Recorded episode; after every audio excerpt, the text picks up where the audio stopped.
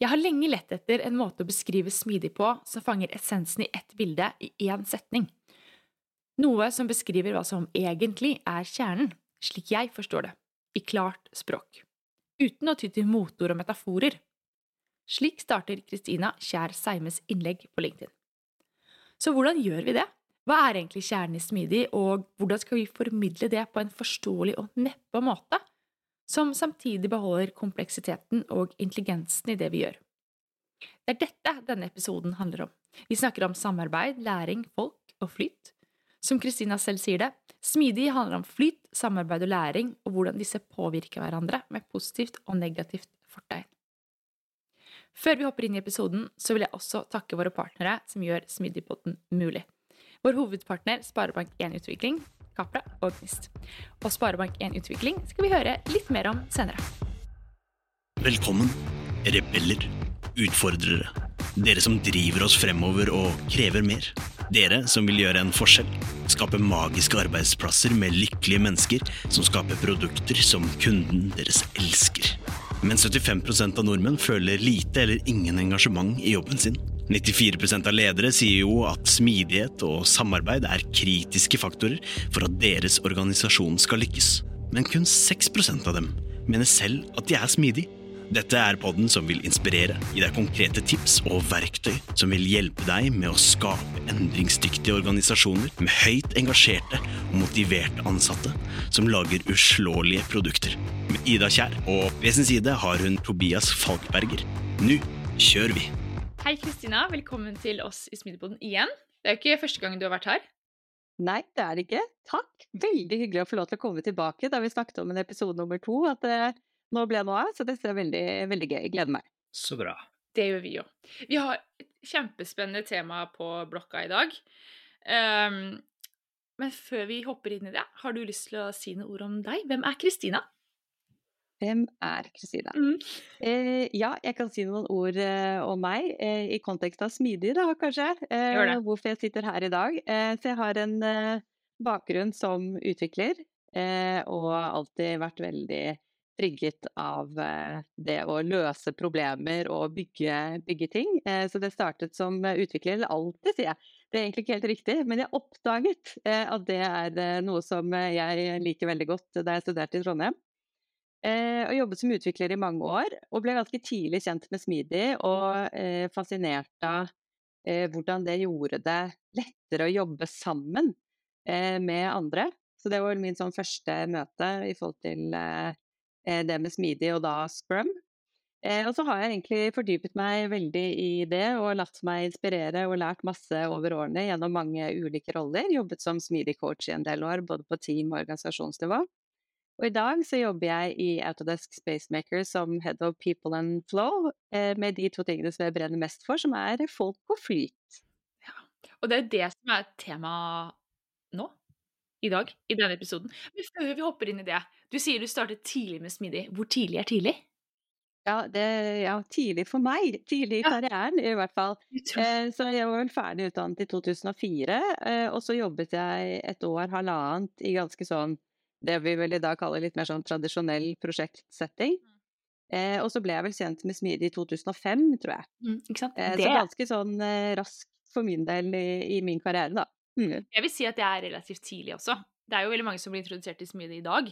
Så jeg tenker jo på liksom, når jeg tenker på disse som liksom virkelig kan Smidig, og som i mitt hode, da, så er det liksom du er en av de som popper opp som sånn Kan man si liksom smidig veteran? Er det i positiv forstand?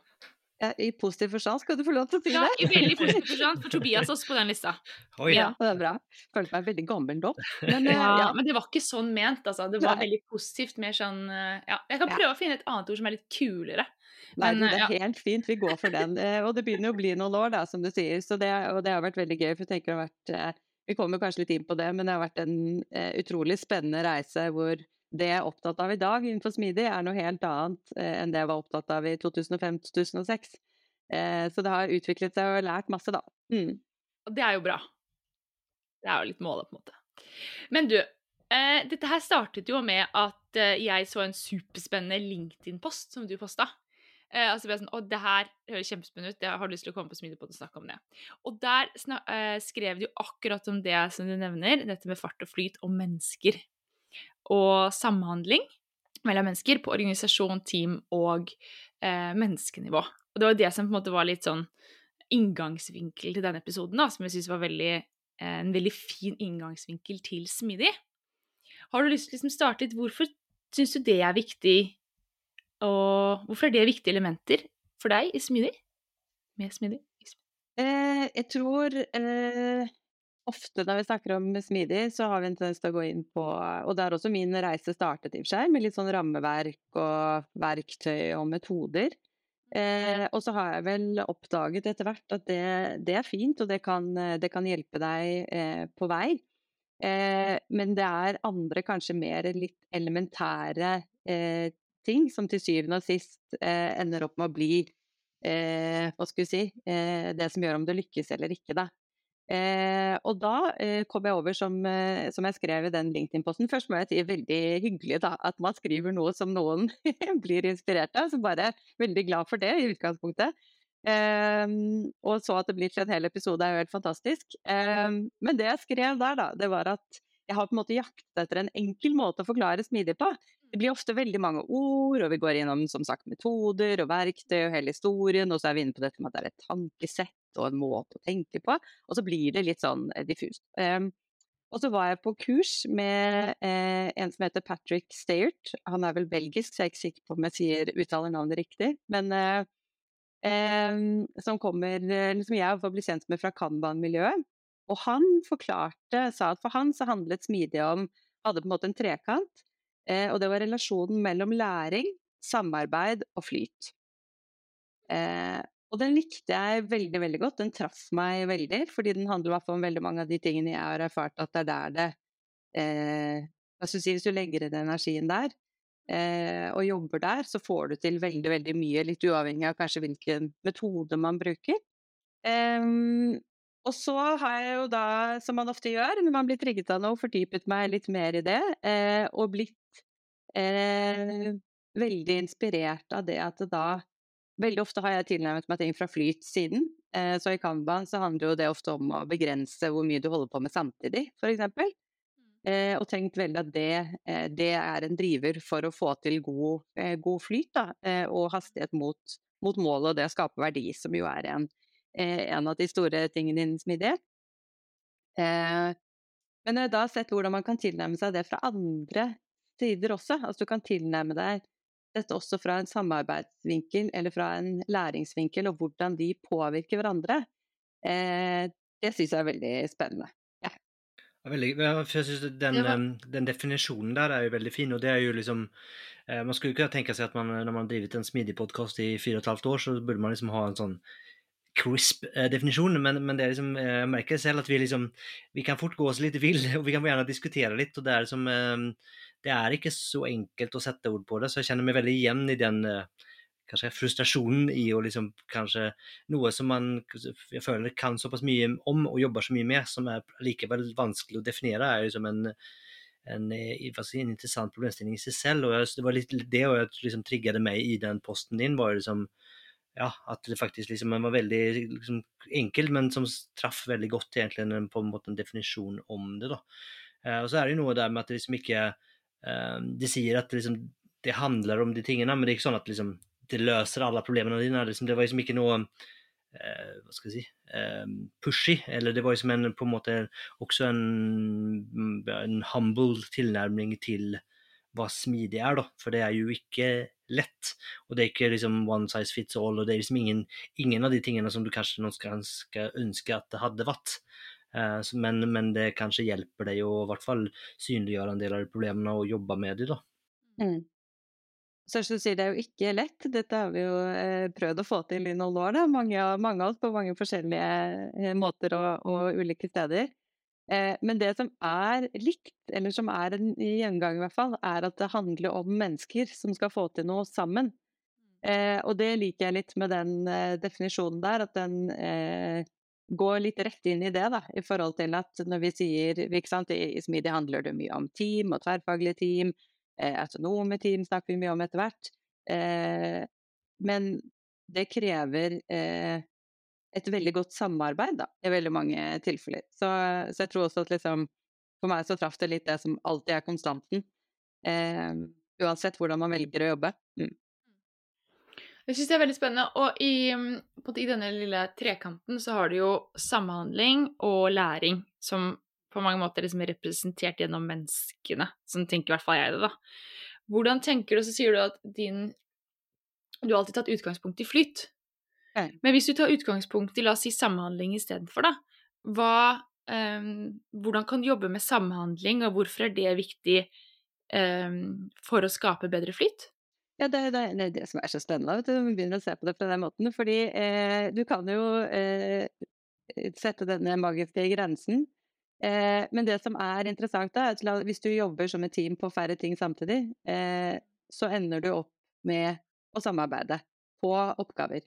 Eh, så parprogrammering er jo kjent. Eh, man har mer gruppe hvor man jobber sammen i større grupper.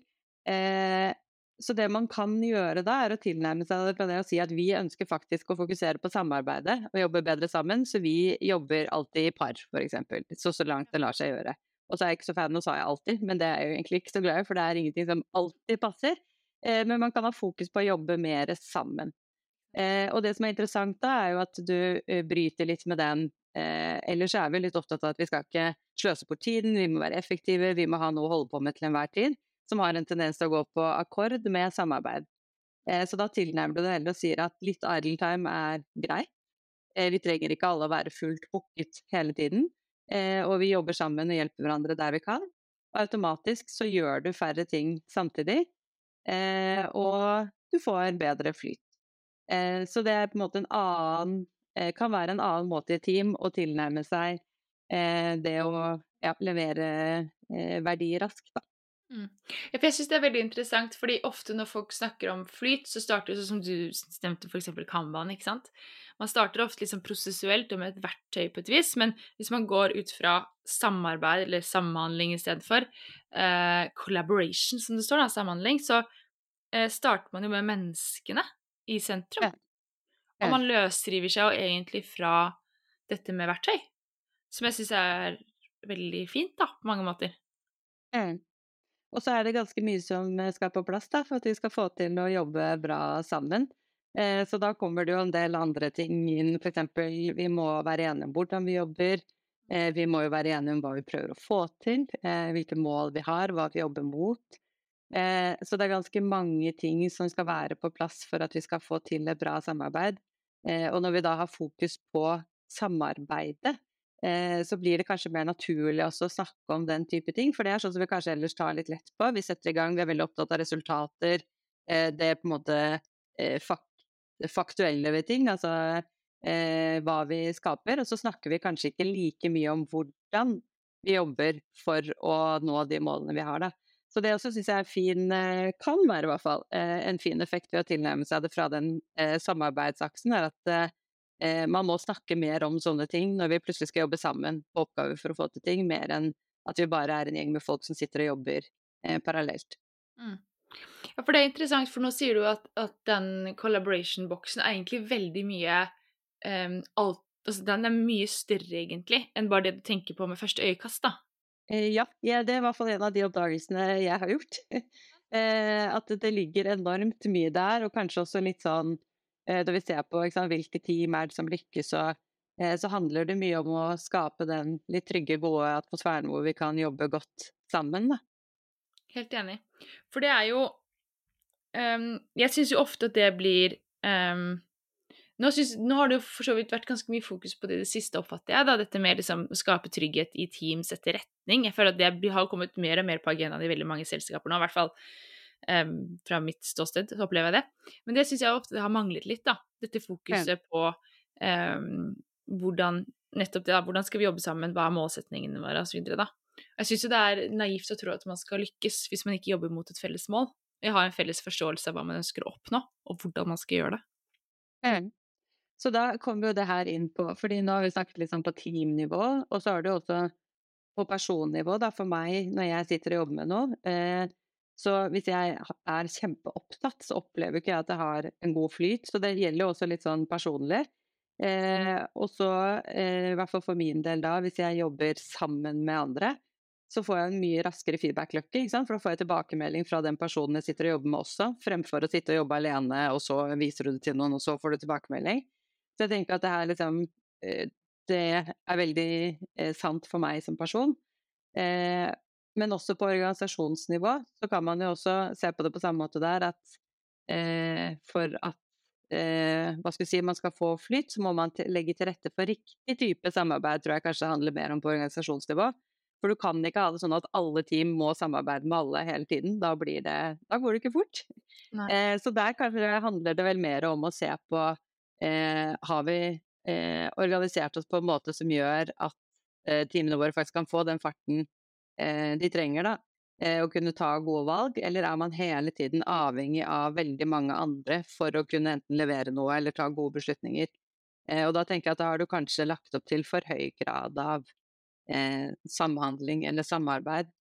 Eh, så jeg tenker at dette også er veldig sånn eh, Den trekanten er veldig relevant også på, på organisasjonsnivå, da. Definitivt. Dette får meg til å tenke på Eh, för, för jag kan ju liksom uppleva kanske att i, i Norge, eller som Skandinavia så är vi ju, alltså utgå, du har skandinavisk ledarstil och du har väldigt flata organisationer så att det med samarbete tror jag, eller upplever jag liksom kommer ganska naturligt för många sammenlignet med kanske andra kulturer, andra land. Men det kan jo sånn sett få liksom et litt sånn eh, nesten overslag, da, at vi blir veldig sånn samarbeidende veldig sånn konsensusdrevet, og at man kanskje da glemmer litt av eh, flytet og kanskje læringen òg. At man liksom nesten, det finnes jo organisasjoner som nesten er de er fornøyde så lenge de samarbeider. At det blir nesten målet i seg selv, da, uh, som kan være en fare. da. Altså, Tobias, man skulle nesten tro vi bodde sammen. For jeg hadde tenkt akkurat det samme. Det er rart. Men det er også interessant, da, fordi da kan du jo da plutselig samarbeid ha eh, et negativt fortegn da, i forhold til flyt. Hvis vi hele tiden eh, Og så vet jeg ikke helt om det samarbeidet, eller i hvert fall som du sier, det med å være veldig konsensusdrevet, det er jo ikke nødvendigvis kjapt. Eh, så disse, som sagt, de påvirker hverandre jo med både positivt og negativt fortegn. Eh, og det å være bevisst på det, da, og kanskje eh, hvis man jobber med, med endring eller forbedring, eh, gå inn med det som et blikk og se hvor, hvor man skal skru litt, eh, har i hvert fall gitt meg en mye større jeg vet ikke hva jeg skal kalle verktøykasse, eller eh, enn før da jeg på en måte bare gikk inn og så på flytdimensjonen av det. Mm. Det er fordi det, Jeg husker at vi hadde en episode for jeg vet ikke, nå er det kanskje to år siden, eller noe sånt nå, kanskje mer, eh, som vi eh, snakket om S3, altså sosiokrati. Og da eh, snakket vi mye om dette med consent, consent versus konsensus. Eh, I organisasjoner, da. Eh, og det, der blir jeg veldig bevisst rundt akkurat det her, da, hvordan det faktisk kan være en, en, en hindring da, i veien for å skape flyt. Uh, nettopp det, da. Helt, helt klart. Og så tror jeg også uh, Der har vi jo fått uh, med Team Topologies, og, og så har vi fått et helt annet vokabulær eh, å snakke om disse tingene på i forhold til team. Og der også det er du inne på det at ulike team hva skal vi si, har ulike former for å samarbeide. Da. Det er ikke nødvendigvis alltid tett samarbeid som er den riktige eh, formen, eh, og som gjør at du får fart. Noen ganger så trenger du det, mens andre ganger så har du mer ja, API-er og grensesnitt og andre måter å kommunisere og samarbeide på. Da. Eh, så jeg tror også at det eh, Hva skal vi si Vi har eh, Det er mye mer fokus på det rundt om nå eh, enn bare for en fem-seks år siden. Ja, nå sa du to år siden, men ja. Ja, men jeg er veldig enig, for det var liksom refleksjonen min, og at du kommer du var inne på det, på en måte hvordan si, både smidig og kanskje si, vår syn på smidig også utvikla seg. For du kom jo si, litt tilbake i tid, så var det jo ekstremt fokus på autonome team. Eh, og Du hadde liksom en et, et, et målbilde av, av, uavhengighet, egentlig. Og man hadde også veldig tro på at det var liksom, uavhengigheten eksisterte. Hvis du bare hadde organisert og satt sammen i teamen riktig, så var det uavhengig. Eh, så har vel liksom jeg aldri opplevd et team som er 100% uavhengig, i hvert fall over tid. Um, for ting er i endring. Um, og da når den uh, hva si, illusjonen av, av uavhengighet møter virkeligheten, så blir ofte svaret på det samar, samarbeid eller samhandling. Og det blir noe grensesnitt der. Og det er jo sånn, kanskje noe med den bevisstgjøringen, og det syns jeg Team Topologies-boken og liksom det som skjedde der, har egentlig vært med å kanskje som du sier, sette litt ord på det, gjøre det bevisst på at det kanskje ikke nødvendigvis er samarbeid som på en måte løser alle avhengigheter, eller det kanskje ikke, i hvert fall ikke den mest effektive måten å løse det på. da. Ja. Jeg tror jo, eh, Nå går vi litt utenfor akkurat den trekanten, men i forhold til flyt eh, og inn der, så tenkte jeg at en av de største fiendene til flyt er jo avhengigheter. Eh, og jeg syns jo veldig ofte så jobber man veldig mye med å håndtere de avhengighetene, fremfor å løse opp i de. og det er der mm. vi kanskje har begynt å få et bedre vokabulær rundt det med hvordan man kan organisere seg sånn at man ikke har så mange avhengigheter mellom mm. team. og det gjør jo både at Eh, man samarbeider på mer riktige steder og, og får en bedre flyt på organisasjonsnivå. Da. Eh, så det er i hvert fall noe vi, vi er veldig opptatt av eh, eh hos oss. Dette med avhengigheter mellom team, eh, og prøve å eh, ikke håndtere de, men, men hva skal vi si, jobbe oss bort fra de, da. Det, men hvordan Jeg synes jo det, det, er, det, er jo kjempeinteressant, Kristina. For det handler jo om egentlig å se på liksom, rotårsaken til hvorfor du opplever de utfordringene du har, og ikke bare drive og, og lappe sammen hele tiden. Men hva tenker du Hvordan går liksom, Kan du si litt jeg, Hadde jeg lyttet på episoden her, da, så hadde jeg tenkt sånn Ja, men hvordan gjør jeg det? Hvordan starter jeg med det? Hvordan nøster jeg opp i det? da? Hva, hvordan jobber dere med det? Ja. Eh, kan, for det er jo noe med hvilket utgangspunkt du har også, tror jeg, hvordan det er lurt å jobbe med det. Eh, så veldig mange steder. Eh, og det handler jo om samarbeid igjen, da. Men så har vi brukt mye tid på, på det å gjøre type verdistrømskartlegginger eller analyse for å forstå eh, hvordan eh, Hva sier man på engelsk? How work works. Eh, og, og, som sagt, veldig ofte så er vi, vi er så fokusert på de tingene vi skal få til, Eh, at vi ikke nødvendigvis er bevisst disse tingene, da. Eh, så det er i hvert fall noe jeg syns har vært eh, et veldig kraftfullt verktøy, hvis du sitter og har en følelse av at det kanskje ikke er helt optimalt i forhold til avhengigheter, eller at det er for mye samarbeid. Og noen ganger så kan det også være det motsatte, at det er samarbeid som burde ha vært på plass, men som per i dag eh, ikke er identifisert. Da. Eh, så det er i hvert fall eh, Jeg syns det er veldig fascinerende, den øvelsen hvordan du med man, Det er jo ganske enkelt. Du begynner jo egentlig bare å snakke eh, med et utgangspunkt i at noen har en idé eller det oppstår et behov, eller du kan starte i andre enden med resultatet, altså det målet, det du prøver å, å skape. Og så snakker du deg på en måte gjennom prosessen, og bare der ofte oppda eller dukker det opp så fantastisk mye læring, da eh, i forhold til både hvorvidt man har organisert riktig, men også ikke minst hvordan man kan eh, tilrettelegge for bedre samarbeid, enten om det er mer eller mindre av det. Da. Så det er i hvert fall en fin måte hvis man sitter med en sånn følelse at jeg tror kanskje eh, at vi har litt mange avhengigheter, så er det noe man kan gjøre både på teamnivå, men også kanskje spesielt eh, virkningsfullt eh, hvis man gjør det på tvers av team, da, så se på hele, hele verdikjeder eh, når du skaper et produkt eller en tjeneste. Jeg tenker det er kanskje det som, i hvert fall for meg, måtte skille litt klinten fra vetten, da. Om man ønsker å se på dette kun isolert i enkelte team, eller om man faktisk løfter det opp på organisasjonsnivå, som du sier, da, og ser helheten ut av det. Det er da du får de virkelige effektene. Ja. Um, og da, hvis man da gjør det med eh, fordi For å kunne gjøre det på en god måte, så må du ha de folka som jobber med dette til daglig, eh, og gjøre det sammen med. Eh, og det kan i hvert fall i noen tilfeller være mennesker som ikke eh, jobber så tett sammen, som da lærer eh, enormt mye. Da, og der kommer vi igjen inn i den læringsdelen av den trekanten. At da får du en kortere eh, tilbakemeldingssløyfe når man begynner å snakke sammen. Det blir lettere å samarbeide. Når det blir lettere å samarbeide, så holder man kanskje ikke på med masse eh, ting eh, i parallell. Da ender man opp med faktisk samarbeide også på tvers av funksjoner, som gjør at du da får eh, mer flyt.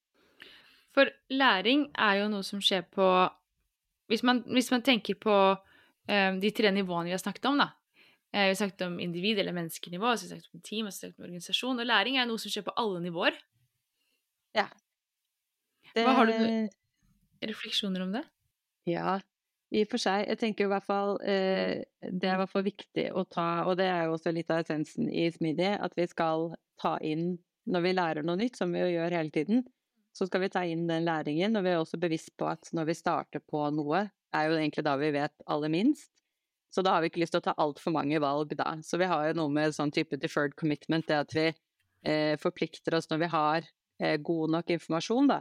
Så hvis du tenker i forhold til mer sånn tradisjonell måte å jobbe på, hvor man forplikter seg ganske tidlig og planlegger mye tidligere, tidligere så ønsker man jo typisk å gjøre dette eh, på et senere tidspunkt, og ikke minst løpende når vi jobber smidig.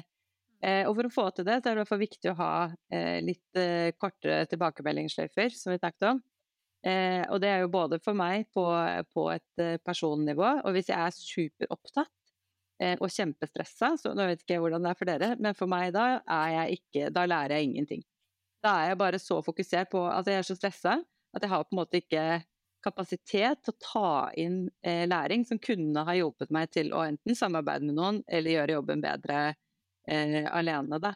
Så det er i hvert fall én bit av det i forhold til flyt. At hvis du på en måte er inne i en god flytsone hvor du eh, har eh, nok tid da, til å kunne gjøre, gjøre, jobben og fokusere på de viktigste tingene, eh, så er i hvert fall kapasiteten for læring eh, større. Ehm, så på personnivå er det jo absolutt viktig. Jeg tror også på teamnivå så er det mye av det samme. At hvis vi er eh, Det er faktisk veldig interessant med Ann Patrick har også en, eh, en sånn eh, eh, simulering, hvor man kan simulere en del av disse tingene, som er veldig, veldig virkningsfullt. Um, og når vi har kjørt de workshopene, så har vi ofte startet med et sånn clean language-spørsmål, som jeg syns jeg elsker de spørsmålene veldig, veldig bra. Og den ene er eh, eh, When your team works at its best, it's like what?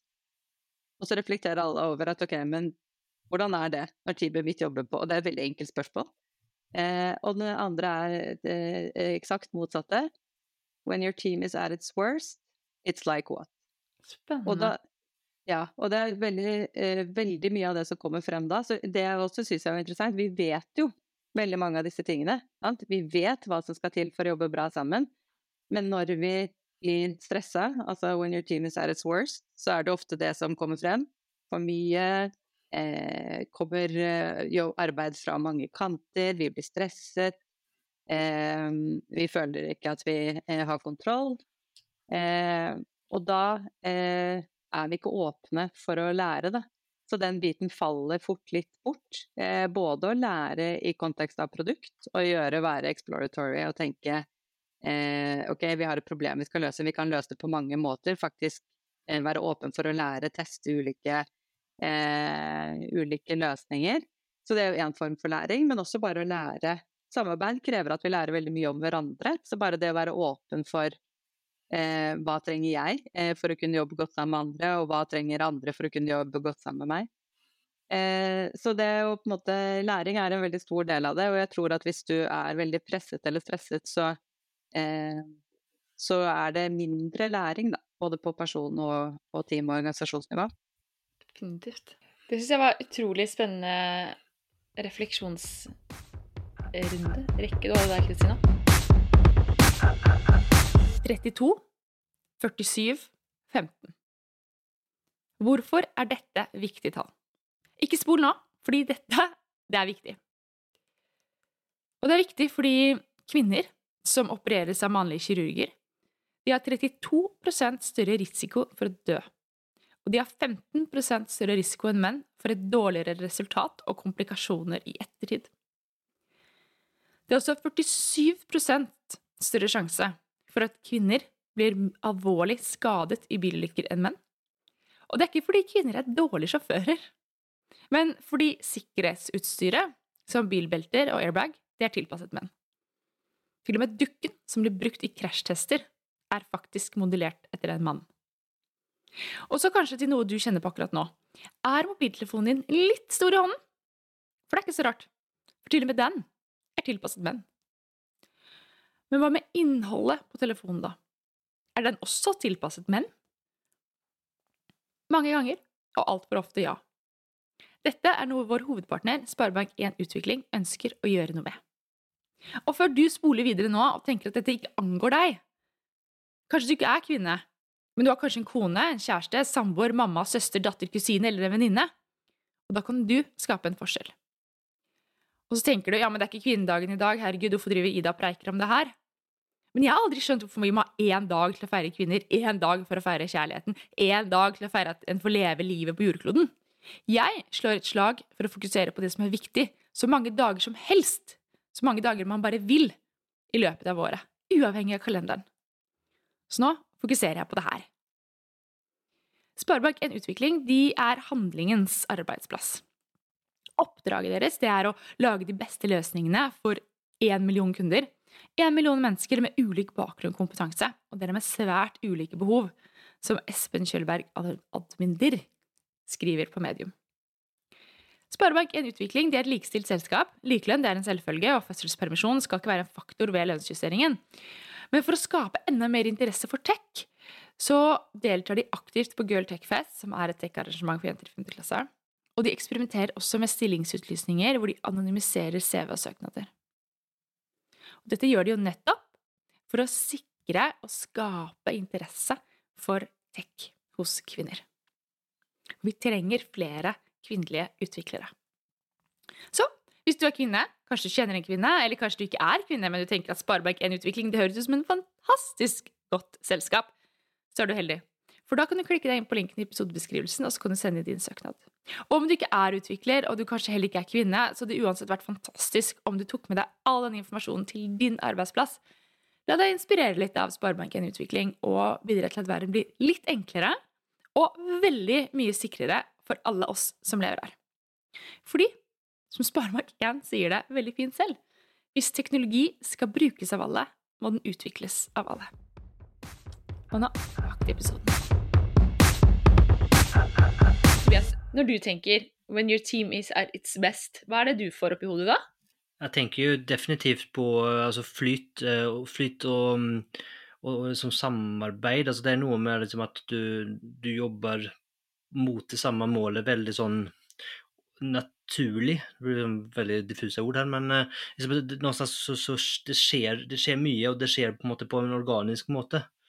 Uh, og det er så mye, mye, energi, mye ideer, mye kreativitet. Uh, og mye positivitet. Um, og at liksom det, ja, det, det, er et Du kan nesten føle litt på det, at liksom det, det, er mye som og, gjerne at det skal komme noe ut av det. Uh, synes jeg som at det må være Eh, at du, at du ikke bare, kanskje ikke bare output, men også kanskje noe outcome. At du liksom har fått til noe. Eh, at du får til en, en endring. At det liksom finnes noe eh, som er litt substans i, da.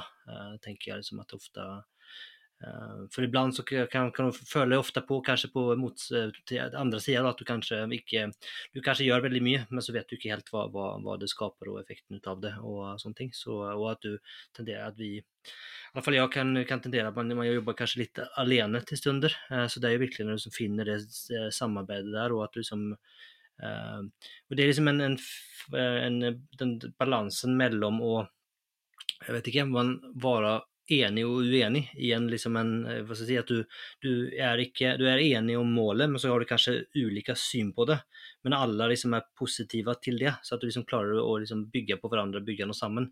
For hvis, hvis, det bare er en sånn konsensusmaskin, så er ikke det noe eh, Det blir litt kjedelig, syns jeg, da, at man liksom ikke eh, liksom en sånn ekkokammer. Liksom. Det skal være liksom litt, eh, ikke motstand, men liksom litt dynamikk i det, tenker jeg er viktig. da. Det er morsomt. Eh, det er veldig mange av de tingene som ofte kommer opp. Og det som er så interessant, er at når teamet funker på sitt beste, så er det akkurat som du sier, det bare, det bare skjer. Det kjennes så naturlig. Så altså, dette har vi jo veldig naturlig i oss. Det er bare at vi tenderer ofte til å lage systemer eh, og da ikke IT-systemer, men eh, organisatoriske systemer eller prosesser som ikke legger til rette for det. Så vi, det kan være at det er for mye å gjøre samtidig, eller at vi ikke har lagt til rette for samarbeid. Eller. Men det er veldig gøy, eh, fordi det også er jo min tanke at eh, de gangene liksom, team virkelig har funka bra, så har det på en måte bare skjedd, føles det ut som. At det bare det flyter, og det er gøy, og du er full av energi, og man kan diskutere. Eh, så det koker, og det er fortsatt gøy. Altså, sånn, så det er liksom eh, Ja det er veldig morsomt alle de tingene du sier, Tobias, er, er sånn som ofte kommer opp da, når man tenker på å reflektere litt over hvilke ganger er det enten team man er i nå, eller andre team liksom virkelig har fungert bra. Och så är det lite intressant, för jag kan också vara många, kanske inte nödvändigtvis bara i, i arbeid og team, men ofte så er det jo ting som opplevs som veldig tøft og hardt. Der og da kan jeg ofte se tilbake på som noe veldig positivt, da, som er liksom interessant. At ting var liksom at den perioden der som var liksom Der og da så var det liksom ganske ille, egentlig, på, på mange måter, kanskje. Men sånn i, ser tilbake på det, så var liksom det vi gjorde der, og det vi fikk til, og det vi fikk til sammen, når vi virkelig sto på og sånne ting, kan jo liksom være veldig en veldig sånn positiv opplevelse som er, som er interessant, som er liksom veldig annerledes mot hvordan det oppleves kanskje der og da. da. Så når du får litt avstand til det og litt, litt tid til refleksjon, så kan det være at du får se litt annerledes på ting òg, da.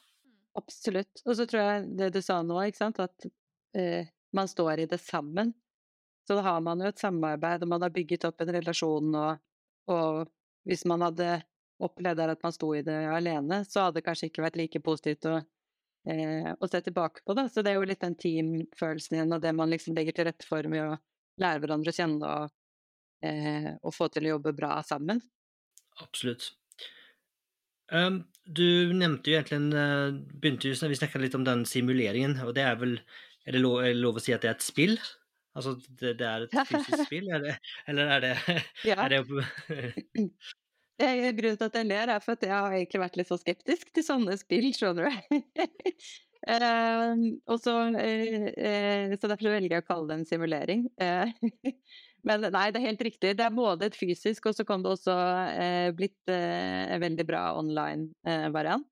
Men det jeg er så interessant med det, og det er jo ikke sant, man lærer jo, lærer jo hele tiden. Jeg har jo kjørt mange kurs eller workshoper etter hvert i forhold til å eh, teste ut sånne måter som det her å jobbe på, eh, og kanskje spesielt innenfor, eh, innenfor sfæren av Kanban.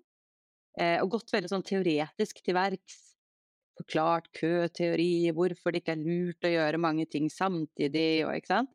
og det er veldig logisk og rasjonelt, eh, men man tar ikke inn læringen så godt, da, viser det seg. Så man kan både sitte der og nikke og være veldig enig, og så går man ut, eh, og så gjør man egentlig ingenting annerledes.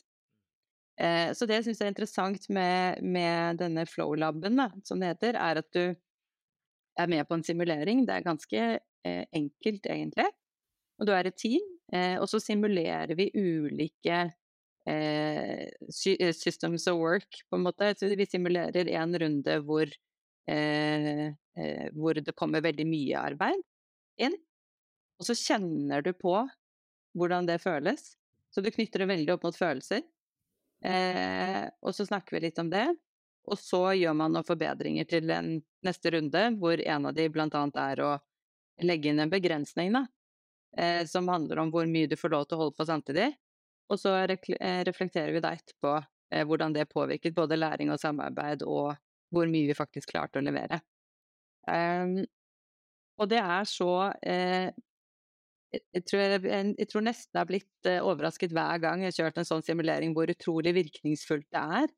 Og for min del også, eh, som eh, fasiliterer det, så lærer jeg jo så mye nytt hver eneste gang. Eh, så det å på en måte Det er derfor litt sånn altså Ja, er, du kan si at det er et spill, men det er ikke mulig å vinne det. så, så, så, men, men den eh, troen på det å simulere, da, eller egentlig det å knytte den læringen du gjør opp mot følelser, det har jeg fått en helt enorm tro på. Eh, fordi da sitter du, og du tar det inn på en så annen måte som gjør at du kjenner at dette har jeg lyst til å gjøre noe med som gir en helt annen motivasjon og en helt annen, mye dypere forståelse, egentlig. Mm. Eh, så jeg er veldig sånn fascinert over både Og det, det er utviklet til en, en større sånn simuleringssuite, hvor du kan simulere både på, på teamnivå, men også på, eh, på team av team, da. Eh, hvor man simulerer også hvordan eh, dette med læring og samarbeid og, og flyt påvirker hverandre på mer sånn portefølje eh, porteføljenivå, eller kanskje organisasjonsnivå i mindre, mindre bedrifter. Mm. Hvordan har det vært å For du, du, i din gamle jobb så, så um, fasiliterte du en, en del altså, Det var en del av jobben å fasilitere workshops, kan man vel si. Eh, og da ja. tipper jeg at du, var, mot, du møter jo som si, veldig forskjellige mennesker. Eh, hvordan blir, liksom, blir, det her tatt imot. Det er liksom litt um, For det høres jo helt fantastisk ut, men det må jo liksom tippe at ikke alle er, er like begeistret hele tiden. Eller i hvert fall ikke sånn i, i starten. Uh, kan, du, kan, du, liksom dele noe der, uten å ikke si noe om noen, noen personer i selskapet? Men bare liksom hvordan For jeg kan bare tenke meg, tenker veldig høyt, men at det uh, det, altså det, det, kan vekke alle mulige former av følelser når man kommer og forteller at det er det her vi skal gjøre. Eh, det som være interessant og kanskje for andre som sitter i sånn situasjon, og kanskje være liksom, eh, litt bevisst over hvordan det her eventuelt si, folk reagerer, og hvordan man kan liksom bruke det her, og hvordan det kan passe inn. da. Jeg tror det er veldig riktig som du sier, at uh, det er ikke nødvendigvis alle som uh, si, finner, altså syns at det er Eh, interessant da, i utgangspunktet, eh, og tenker, og det tar uforholdsmessig kanskje mye tid. Eh, for, du, for, å få på en måte effekt ut av det her, så bør du sette av litt tid. Så det er helt klart en terskel eh, hvis man har lyst til å gjøre det i forhold til å eh, selge inn ideen, hvis du kan eh, kalle det det. men det syns jeg har vært interessant, og det er kanskje litt den clean language approachen. At med de spørsmålene på starten, som er veldig enkle, så knytter du det med en gang veldig opp til egen hverdag som gjør at du eh, veldig fort ser hvordan du kan få verdi ut av det. Eh, så i min erfaring hvert fall har vært at eh, også de som har vært For det har absolutt vært folk som har vært skeptiske og kanskje sikkert eh, litt motvillig eh, vært med, eh, men har, vært, har lært noe, da. Og jeg tenker at så lenge du har lært noe, så er det verdt, er det verdt tiden. Eh, så vi har kjørt det både hvor eh, folk ikke til daglig jobber sammen, så da tar du med deg læringen selv. Men det å gjøre det sammen som team er jo enda mer kraftfullt, for da tar du på en måte med den kollektive læringen ut. Og det du kan gjøre da, i og med at dette er en, en simulering som er ganske åpen, er at du kan eh, legge opp simuleringen eh, med faktiske ting du jobber med i dag, sånn at det blir enda mer virkelighetsnært.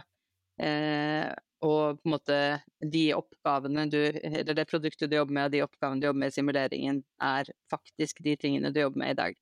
Så det er også en mulighet for å gjøre det, eh, og mange team som kan bruke det her som et verktøy selv for å Det er en veldig kjapp måte å eksperimentere på, da, i forhold til hvis du skal finne Ofte snakker man om flyteffektivitet, ja, hvor, eh, si, hvor mange ting samtidig kan du holde på med uten at det går utover eh, hvor mye du leverer i andre enden. Mm. Eh, og da kan du, eh, apropos da læringen, da, eller eh, tilbakemeldingssløyfene blir jo veldig mye kortere. For her simulerer du ti dager på eh, en time eller noe sånt nå. Eh, så da kan man teste ut, da. Eh, I mye større grad, og sånn sett lære sammen som team. så det er mange også som bruker dette som et sånt verktøy i forhold til å forbedre måten man jobber på sammen på, på teamnivå. Da. Mm. mm. Dette minner meg litt om, om Get Kanban, Kristina. Er det helt feil assosiasjon? Men det, Kanban blir jo Jeg, jeg, jeg får inntrykk av at dette her på en måte på litt, litt mer gjør det litt mer komplekst og litt mer høy, dypere forståelse av problemstillingene. da. Og i tillegg til at du kan trekke inn dine egne oppgaver og egne prosesser inn i det. på en måte. Det kan du jo ikke i GetCanban på samme måte, ja. da. Eller du kan Så det er litt mer, litt mer åpent, ja. Eh, men ja. helt klart ikke noe feil eh, assosiasjon å få. Det, det, er jo veldig veldig mange likheter. Og begge deler springer jo på en måte ut litt fra den Kanban-tankegangen. Men jeg tror denne stimuleringen har mer og mer frigjort seg fra eh, metode. Og eh, på en måte i større grad går inn mot eh, gode praksiser for å mm. få til eh, flyt, fart og flyt, egentlig. Mm. Mm. Vi, um, du, har play, du, har jo, du, har jo, Playing Lean nå, som er den Lean startup-varianten, som er jo faktisk uh, norskbasert. Og det, det kjørte det kommer tilbake til meg. Vi kjørte det for mange herrens år siden for uh, den gangens ledergruppe i Riks-TV, og det var tror jeg faktisk liksom kanskje en av de tingene som var med og satt bevegelse i Riks-TV den gangen. For det blir jo også en form av simulering, da. Uh, og de, eh, mm. de, ble så gira, så de hadde ikke lyst til å stoppe. Så vi var, vi var tom for tid, men vi satt der og spilte utover ettermiddagen. Med, så det er liksom, ja, så jeg kan kjenne igjen meg liksom, i effekten ut av det. da, at det var liksom, Jeg tror de var litt skeptiske òg, at vi skulle, liksom, ledergruppen skulle sitte og spille spill, liksom, men det var utrolig effektfullt og liksom fikk, fikk momentum i hele den hva skal jeg kalle det, transformasjonen som vi har vært med på. da. Mm. Og så har du en, eh, en veldig Fordi du, du sa akkurat Tobias, at man kan se tilbake på opplevelser man har hatt i teamet. Eh, og så Hvis man spiller et spill, så er det kanskje en, en positiv opplevelse, men likevel, du får en veldig kjapp felles opplevelse på det du skal prøve å få til. Så det er også noe i det at du eh, Ja, som sagt, det knytter det veldig inn mot eh, dette med, med, følelser, da, som er som kanskje er min nye sånn eh, Man er jo stadig nye ting man interesserer seg for. Eh, og så, som jeg sa innledningsvis, at liksom hvordan jeg ser på smidig eh, endrer seg. Og akkurat nå så driver jeg og lytter til eh, emotional agility, som da handler om det å på en måte følelsesmessig smidighet. Da. Eh, og jeg tror jo liksom jo mer jeg setter meg inn i hva som faktisk eh, får dette her til å funke, så handler det jo som sagt veldig mye om oss som mennesker. Og det å da knytte ting opp til følelser, både også læring, det eh, er veldig, veldig virkningsfullt. Mm. Jeg husker Det er veldig interessant det du sier der, for jeg hadde en Vi var uh, jeg, Tobias, jeg tok et mindfulness-kurs for mange mange år siden.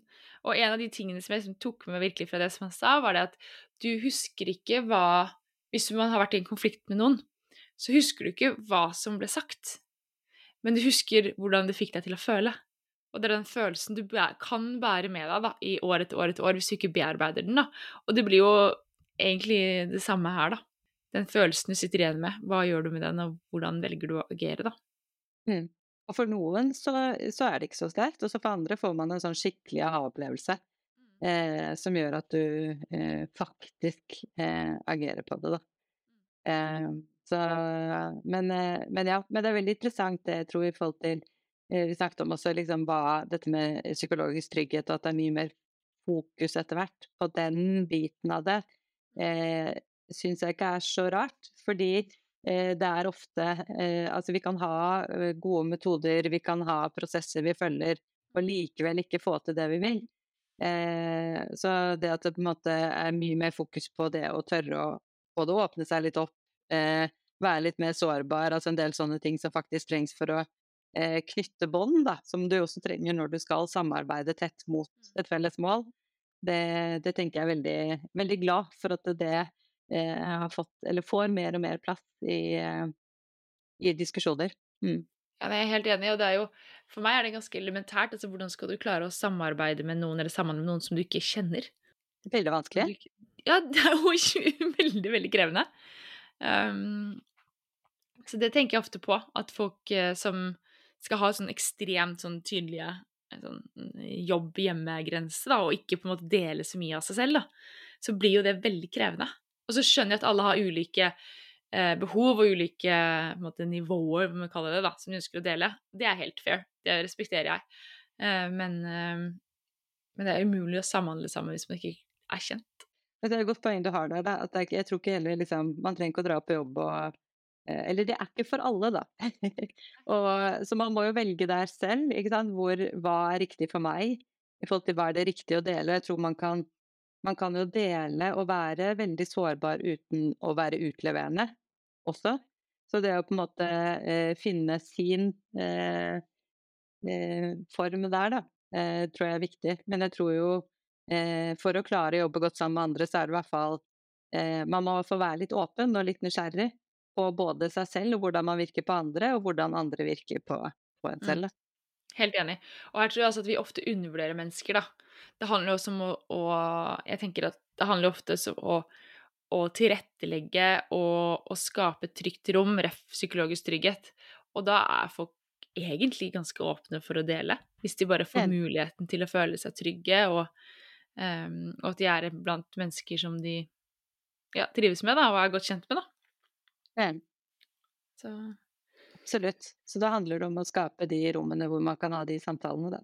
Og en sånn eh, Eh, ja, en sånn eh, simulering f.eks., så plutselig dukker det opp. Så det, det er interessant. Det er veldig, ja, veldig, veldig gøy. Mm.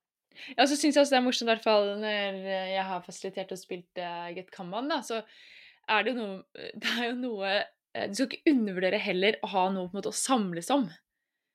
Eh, på en måte, kunne på en måte samles om frustrasjonene, samles om gledene, samles og ref liksom dette med læring, da, kollektiv læring. Det å kunne samles rundt læring. Eh, det gir en så utrolig sånn vitamininnsprøyting til teamet og organisasjonen. Syns i hvert fall jeg, da. Som man kan ta med seg tilbake inn i hverdagen. da. Absolutt. Jeg ser det, tiden løper litt i det. Um, sånn, bare sånn på, hvis, um, hvis, man syns at det er spillesimuleringen uh, høres spennende ut, um, kan man ja, hvordan kan man få tak i det på noe vis? Vet du det, Kristine?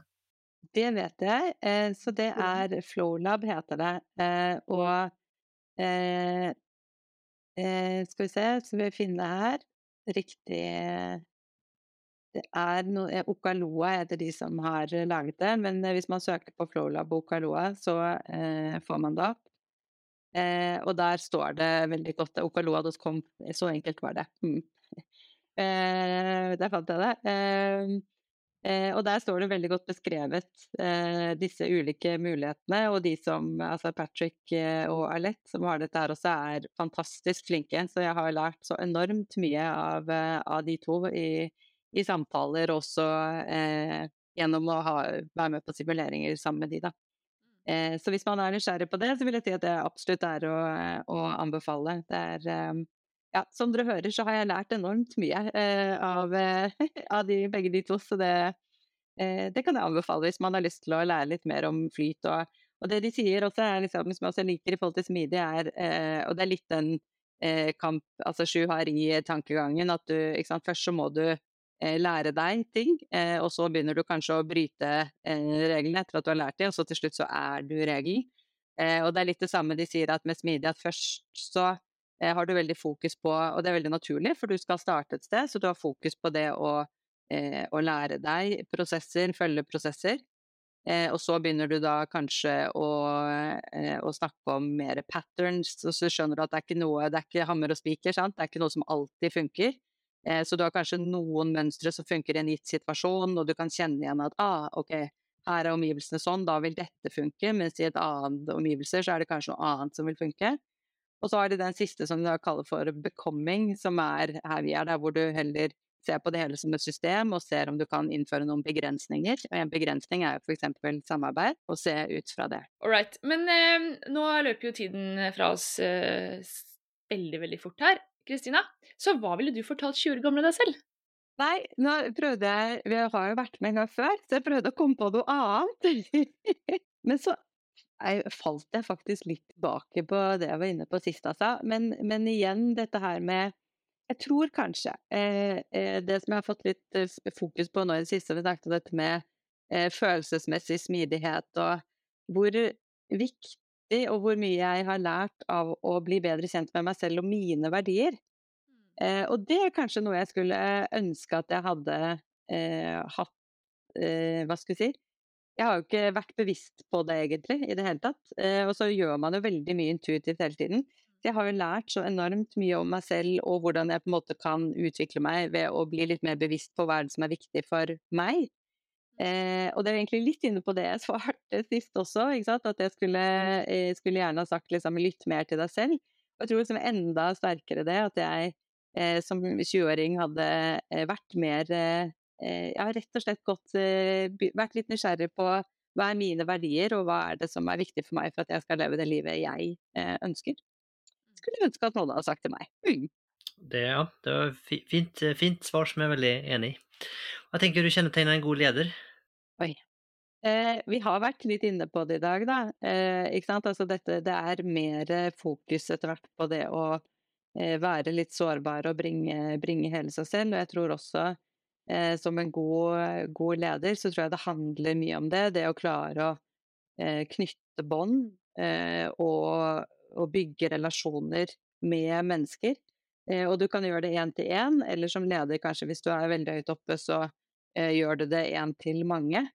Men da tror jeg det handler i veldig, veldig stor grad om å eh, være konsekvent og ha, altså med integriteten i behold eh, og agere som en du kan, eh, kan, stole på det. Så jeg tror mer og mer det som begynner å bli eh, Jeg leste en kåt der at eh, eh, tidligere så har man jo eh, ledet mer med mål og en del sånne ting, og så fremtiden handler om å lede med hjertet. og det tror jeg veldig på. Så jeg tror en god leder er en som, som byr litt på seg selv og ser folka sine. og og så eh, eh, skal ikke kimse av mål, nå sa jeg brukte det som et eksempel, det er fortsatt viktig, da. Så den kombinert med tydelighet tror jeg er en, en vinner Eller vinner. Det er i hvert fall en, en god kombo. Ikke dårlig. Men du, Kristina, vi har jo snakket egentlig hele episoden om, om uh, dette sp neste spørsmålet. Men hvis du skulle oppsummert, da, uh, bare sånn kort, hva ville du gitt som tips for å liksom, komme i gang, uh, bli bedre, når du kommer til smidig, da? Fart og flyt, da? Ja, nei, fart og flyt er jo folk og flyt. nei, vet du hva, mm. jeg tror vi gjør det fort litt komplisert, tror jeg. Eh, og så er det klart at på organisasjonsnivå så er det litt komplisert, fordi det er stort og, og, og det er mye. Men jeg tror bare det å, å være litt enige om Fordi eh, smidig er jo ikke målet i seg selv, det er jo noe vi bruker for å få til noe annet. Så det å være enige om hva man prøver å oppnå, og hvorfor man i det hele tatt Altså hvor man ser at man trenger å endre, eh, og så jobbe litt Eh, i det små, eh, og, og, bare komme i gang og skape en sånn god endringskultur, det, det har jeg litt eh, Og læringskultur har jeg tro på. Så jeg tror kanskje hvis noe bare Ja, blir man inspirert, gjør noe med det. Ager på det. Test ut, få med deg noen. Så kommer man ganske langt. Og så tar det jo litt tid hvis man skal endre på mye. Men jeg tror det er en ganske fin måte å, å få til varig endring på. det. Veldig godt tips. Bøker, lydbøker eller eh, noe annet eh, man kan lære seg av, som du ønsker å anbefale? Kan være en annen podkast òg. Nå nevnte jeg jo en i sted, som jeg holder ja. på å lytte til, 'Emotional Agility'. Eh, Syns i hvert fall jeg er en veldig spennende bok. Eh, en annen på god ledelse tror jeg eh, må være 'Dare to Lead' med Brené Brown. Den har jeg lært enormt mye av. Eh, og så kan jeg jo da anbefale um, den eh, som er en bok om clean language, da, siden vi nevnte det, som også er veldig veldig eh, nysgjerrig på, som er enormt kraftfullt, som heter eh, 'From Contempt to Curiosity'. Eh, som handler om hvordan man kan bruke eh, ikke-forurenset språk da, eh, når man jobber med både personer og grupper, som også er utrolig spennende. Så nå ble det mye i den menneskelige og litt sånn sårbare og følelsesmessige aspekter, men, eh, men, det er der eh, fokuset mitt ligger om dagen, så da blir det de tre. Spennende. Jeg tror vel at det er kanskje helt eh, nye ting på tipselista òg, som jeg tror ikke noen andre har nevnt før heller. Det er jo ikke dumt å få, få, få si, mm. tre ferske episoder der. Eller episoder, tre ferske bøker. Bøker. Det er litt rart. Dare to Lead ikke har kommet opp før, faktisk. Men uh, nå kom den, og det var bra. Ja. Veldig Men, bra. Da var det bra den kom nå. Ja. Det var det. ja. Men uh, Kristina, hvis man vil komme i kontakt med deg, da, hva gjør man da? Ja, hva gjør man da? Nei, jeg er jo, uh, er jo på LinkedIn, da. Ja. Selvfølgelig. Så det er jo et fint sted å komme i kontakt med. Jeg tror kanskje det er det enkleste. Mm. LinkedIn. Mm. Den er god. Er du ute og hva skal jeg si, preach, holder jeg på å si? Er du ute og snakker fortsatt? Er, du, er, er, du, er, det mulig å få deg på, på besøk hvis man vil, eller? Ser hverdagen ja, litt annerledes ut? Nei, og det er faktisk veldig gøy. Eh, nå har vi jo ikke snakket så mye om eh, der jeg jobber i dag, eh, men, eh, men, det er jo altså eh, En av grunnene til at jeg begynte å jobbe her, er jo måten man har jobbet med både ledelse og kulturbygging eh, for å skape en smidig organisasjon. Eh, så vi, vi, har vært litt rundt eh, og snakket om det, og det syns jeg jo er eh, både veldig lærerikt og veldig gøy. Så det går an, hvis man er nysgjerrig til å få høre om hvordan vi jobber med en del av de tingene som vi har snakket om i dag. Da. Kanskje spesielt dette med, med struktur og kultur. Det er et godt tips. Mm. Det er et godt tips.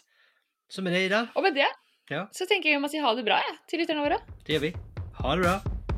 Ha det bra. Ha det. Jeg vil bare minne deg om Smidigpodden-fellesskapet. Kanskje har du lyst på eksklusiv tilgang til foredrag, kurs og masse masse mer. Eller kanskje du bare liker denne episoden spesielt godt. Eller kanskje du bare syns Smidigpodden er som lommen eller rosin i pølsa om du vil, og vil vise at du setter pris på oss. Da må du gå inn på smidigpodden.no skråstrek én kaffe for å bli en del av Smidigpodden-fellesskapet. Håper å se deg der.